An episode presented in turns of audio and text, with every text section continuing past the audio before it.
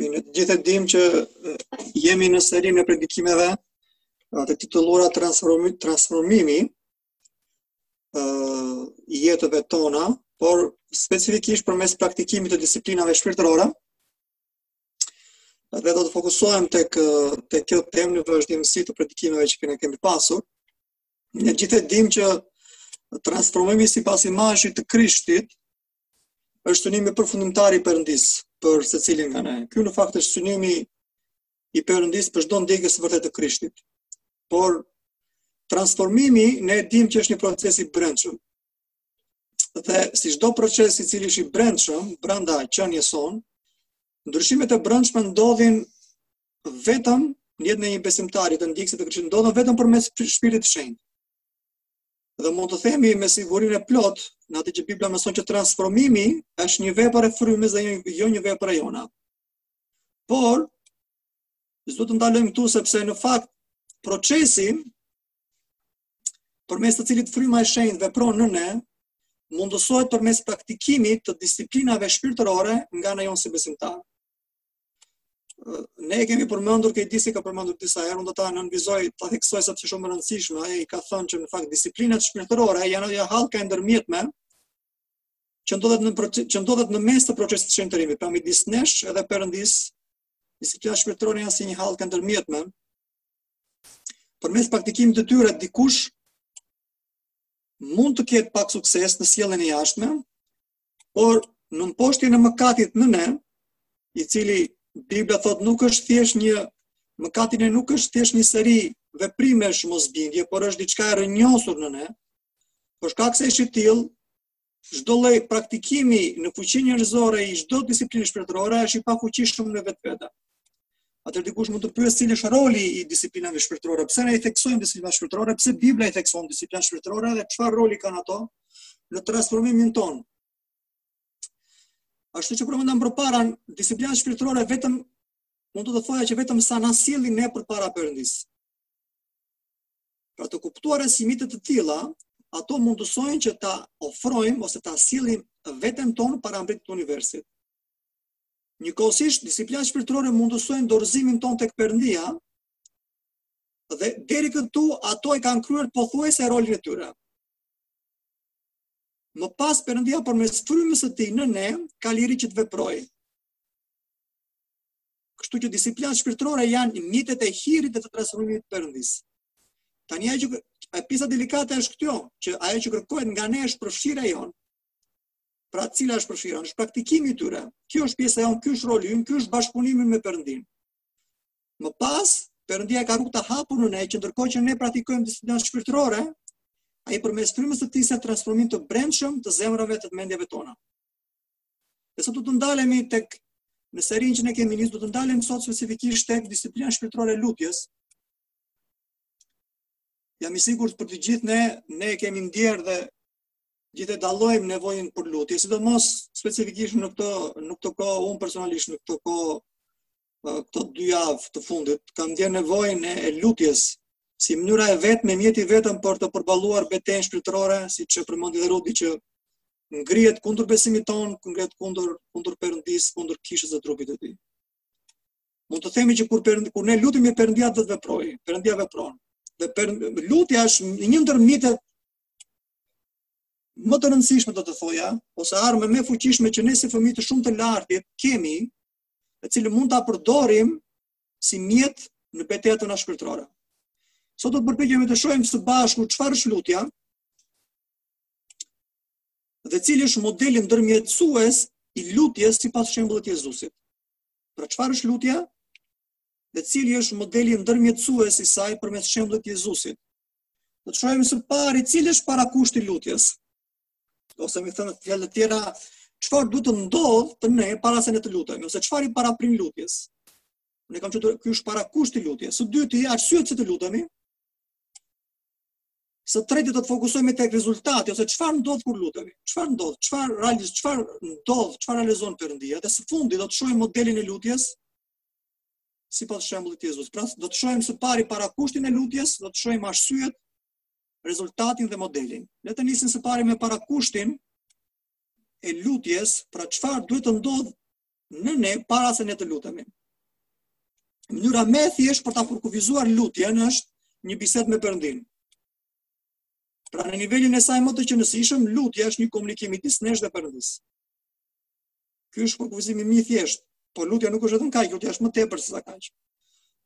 Duke duke folur në këtë lloj, duke vazhduar në këtë lloj përkufizimi, meqenëse lutja është komunikim, ashtu si çdo komunikim tjetër, ka dy drejtime. Pra së pari ne bisedojmë me Perëndinë dhe Perëndia na dëgjon, dhe së dyti Perëndia na flet.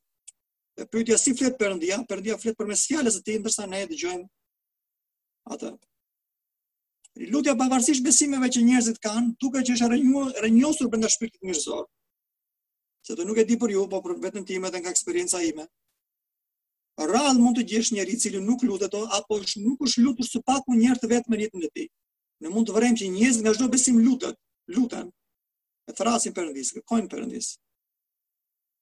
Po një ndjekës i Krishtit, do të pyesë dikush, a lutet ndjekësi i Krishtit, ose a duhet të lutet ndjekësi i Krishtit, pa të du, pa të përgjigjesh patjetër që po. Por ku qëndron diferenca në lutje, midis nesh dhe të gjithë njerëzve të tjerë që luten? Pikë së pari, ne si ndjekës të Krishtit duhet të mendojmë cili është perceptimi ynë ose cili është mendimi ose nëse mund të shprehemi, kështu cili është imazhi ynë për Perëndin ose sa përqind të të së vërtetës përmban imazhi ynë për Perëndin. Kjo është pyetja e parë. Dhe cili është perceptimi ynë për Perëndin? Së dyti, cili është qëndrimi ynë dhe cila është jetesa jote në lidhje me këtë njohje të Perëndisë? Pra së pari si është jeta jote e lutjes, si është jeta ime e lutjes, si është jeta jonë si kisha, a lutesh, a lutemi, apo përjeton fitore në lutjet e tua, apo përjeton disfatë. Tani perceptimi i qartë ka rëndësi në fund të fundit, siç thashë, për Perëndinë, por nuk është gjithçka, sepse çështja është më e rëndësishme është sa është lidhur ky perceptim i së vërtetës biblike që ke ti ose unë lidhje me Perëndinë, me jetën dhe zemrën tënde, pra me praktikën tënde. Pra nuk është vetëm çështja sa di, ajo është e rëndësishme, por më e rëndësishme është si është jeta jote, si është jeta ime. Një autor i njohur i i i i krishterë i fillim i, i mesit të, të shekullit të 20, Andrej Muraj, në librin e tij, Me Krishtin në shkollën e lutjes, liston tre kategori të krishterësh, sipas vëzhgimit të tij. Ai thotë, midis të krishterëve, gjen tre kategori besimtarësh. Ai, ai bazohet te tek Ungjilli sipas Gjonit tek kapitulli 4 kur Jezusi ishte duke biseduar me gruan samaritane dhe diskutimi është lidhur me adhurimin e Perëndisë, por në fakt adhurimi do ta shohim, siç do ta shohim së bashku i paraprin lutjes. Andre Murai thotë disa njerëz në paditurinë e tyre me zor e dinë se për çfarë luten. Ata luten me zell dhe megjithatë marrin shumë pak përgjigje nga Perëndia. Të tjerë thotë autori kanë njohuri më të sakta për Perëndinë, dhe të vërtetën e tij, por megjithëse përpiqen të luten me shumë zell me gjithë mendjen dhe zemrën e tyre, përsëri nuk arrijnë të përjetojnë bekimet e plota të Perëndisë. Në këtë rast kategoria e parë që autori përmend njerëzit që luten në paditurinë e tyre, ai ka në mendje samaritanët, që vetë gruaja thotë, Jezusi i tha, ju adhuroni atë që nuk e njihni. Kurse njerëzit që kanë njohuri të sakta për Perëndinë ishin judenjtë, Jezusi thotë, ne adhurojmë atë që njohim, por megjithatë Jezusi nuk përkrah as kategorinë e parë as të dytën, ai liston një kategori të tretë. Dhe autori thotë që ne do të lutemi që në fakt jemi kjo kategori e tretë. Dhe kjo kategori e tretë ose grupimi i tretë janë njerëz të cilët dinë si të adhurojnë Perëndin në frymë dhe në të vërtetë së pari përpara se të luten, sepse autori konkludon ose përfundon duke thënë sepse në lutje thotë ai gjithçka varet nga qëndrimi dhe praktikimi ynë si duhet i adhurimit në frymë e të vërtetë i Perëndisë sonë. Pra nëse do të pyesin çfarë duhet t'i paraprijë lutjes së një besimtari, Bibla thotë që të lutemi siç duhet, Bibla na mëson që së pari duhet të jemi adhurues në frymë e në të vërtetë të Zotit tonë. Tani ky term shpeshherë i keqkuptuar, sepse kjo nuk do të adhurim në frymë dhe në të vërtetë nuk do të thotë thjesht një adhurim i sinqertë apo një adhurim nga zemra. As do të thotë një adhurim i kufizuar në një kohë apo në një vend të caktuar. Jo. Adhurim në frymë dhe në të vërtetë ka kuptimin adhurim do të jetë pjesë e qenies sonë, pjesë e shpirtit tonë dhe pjesë e krejt jetës sonë. Ky adhurim do ta përshkruajë çdo pjesë të jetës dhe çdo moment të saj. Një zemër e tillë e cila adhuron Perëndin në këtë mënyrë, e ka shumë lehtë të lutet përpara Perëndisë. Pra ajo që i paraprin lutjes një besimtari duhet të çfarë adhurimi në frymë dhe të vërtetë për Perëndinë. Së dyti pse do të lutemi? Ne gjithë e dimë që ne i lutemi një Perëndie, ndryshe nga çdo besim tjetër, i cili është Zoti sovran i universit, është krijuesi i gjithçkaje që ne shohim dhe mund të shohim, dhe njëkohësisht një Perëndie i cili së pari është një atë për ne, Tani fakti që Perëndia është ati ynë qiellor dhe që ne jemi fëmijë të atit qiellor dhe ky është atë qiellor është mbret i universit janë me siguri dy të vërtetat më të jashtëzakonshme në Bibël.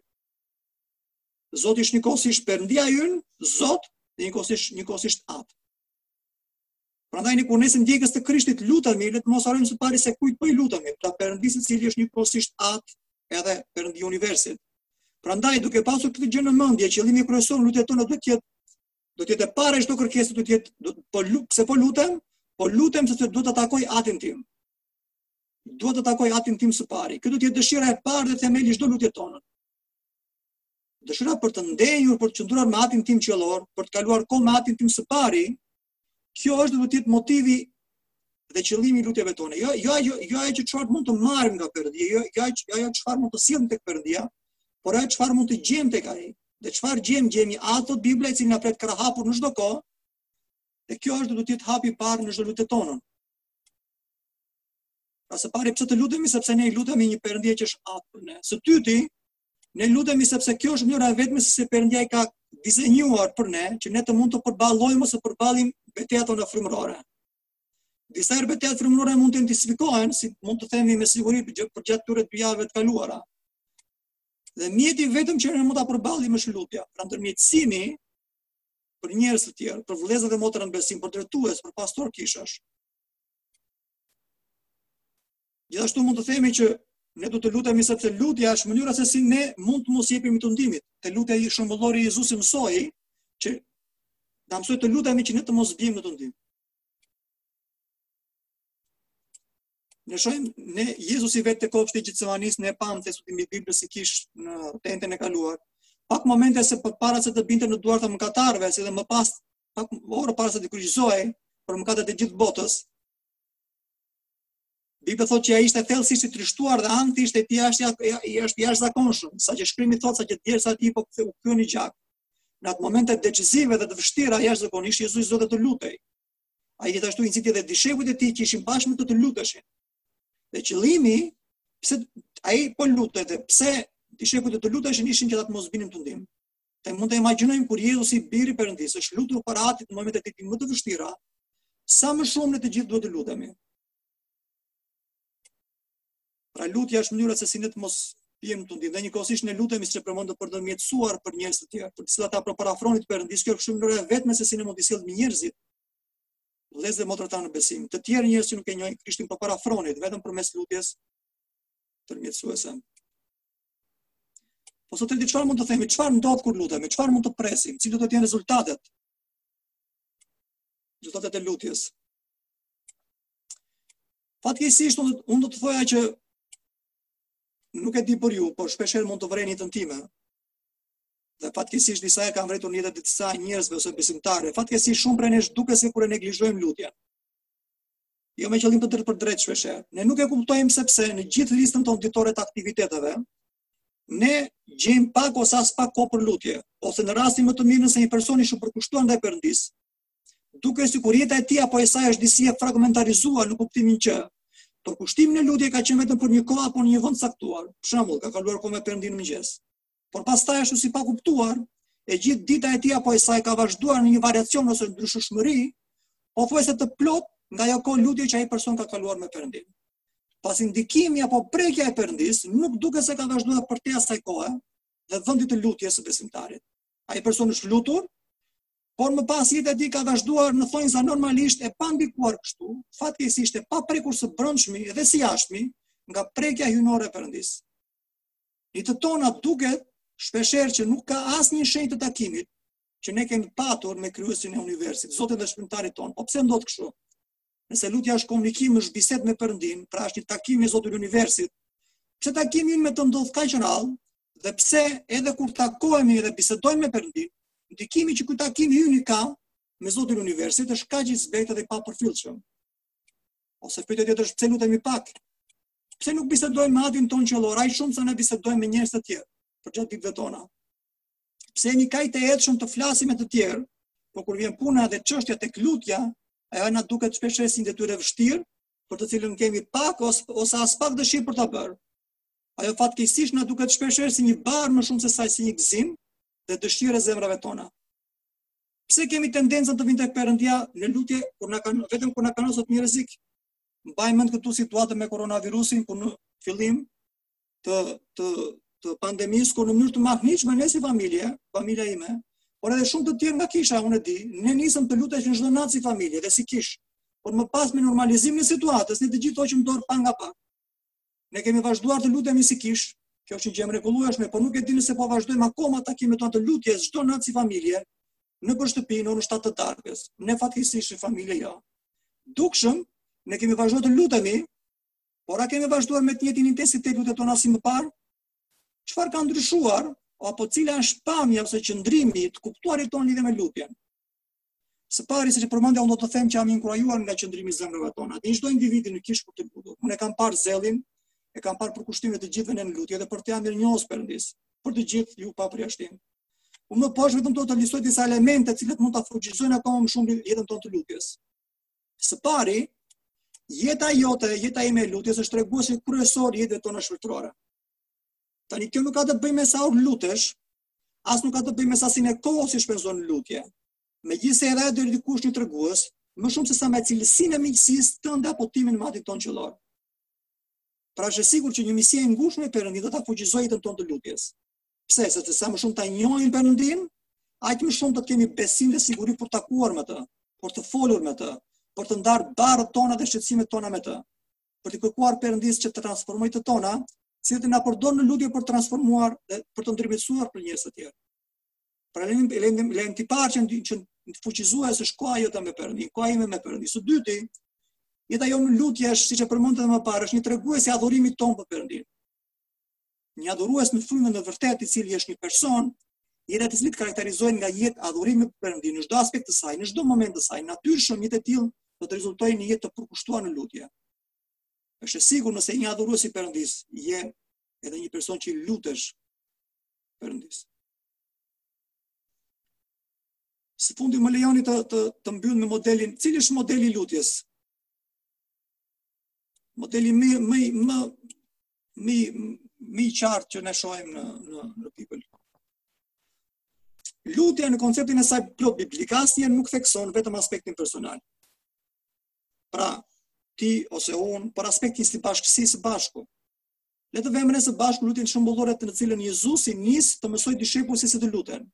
Nëse mbani mend tek Mateu 6 ai e nis me fjalët lutuni kështu Ati ynë që je në qiell, Dhe vini re, jo me fjalët ati im. Pse sepse lutja midis midis të tjerave është dizenjuar jo vetëm si jo vetëm si një kontekst personal apo privat i jetës së një ndjekësi të Krishtit, por si një aspekt komunitar së bashku, pra si një kishë, si një asamble. Tani kjo gjë nuk e bën të ndaluar lutjen vetëm, jo aspak. Vetëm thekson që lutja vetëm nuk është gjithçka e lutjes, por është vetëm një aspekt i saj. Së dyti, mund të themi që aspekti më i gjithanshëm apo më i gjerë i lutjes është ai i lutjes ndërmjetësuese, pra i lutjes për të tjerët. Ky është modeli ose qëndrimi i zemrës që Jezusi, Zoti ynë do të na mësojë. Në fakt Jezusi është i vetmi që mund të na mësojë në lidhje me lutjen. Bibla mëson se Jezusi te libri i Hebrenjve thotë që ai është kryeprifti ynë përpara Atit. Pra ai përjetësisht lutet dhe ndërmjetëson për ne përpara Atit. Jo vetëm për ne, por për gjithë botën. Në këtë mënyrë lutja ndërmjetësuese Ai dëshiron të jetë aktiviteti më i rëndësishëm për çdo ndjek, çdo ndjekës të tij gjithashtu. Ashtu siç është aktiviteti i tij më i rëndësishëm tani për Jezusin në të djathtë të Atit. Jezusi vazhdimisht lutet, lutet për ne, ai ndërmjetëson për ne dhe për gjithë botën. Dhe sa gëzim dhe privilegj i jashtëzakonshëm është që kur e njohim këtë të vërtetë, edhe ne të nxitemi të ndërmjetësojmë, pra të bashkojmë lutjet tona ndërmjetësuese me lutjet e Shpëtimtarit tonë përpara atit tonë qiellor. Si përfundim mund të themi që Zoti Jezus ka zgjedhur të mbretërojë në qiell, në të djathtë të Atit, duke ndërmjetësuar për botën. Dhe lutja ime në fakt, dhe dëshira e zemrës sime, dhe besoj e të gjithëve ne është që edhe ne si ndjekës të tij, do të zgjedhim të jetojmë këtu në tokë sipas shembullit të tij. Pra duke ndërmjetësuar së bashku me të, duke bashkuar lutjet lutjet tona së bashku me lutjet tona, lutjet ndërmjetësuese të Jezusit përpara Atit tonë qiellor, për veten, për Për ne, për ne si kishë, për çdo vëlla dhe motër besimtare dhe për gjithë botën. Zoti na bekoftë gjithëve. Më lejoni të lutem ta bëjmë lutje.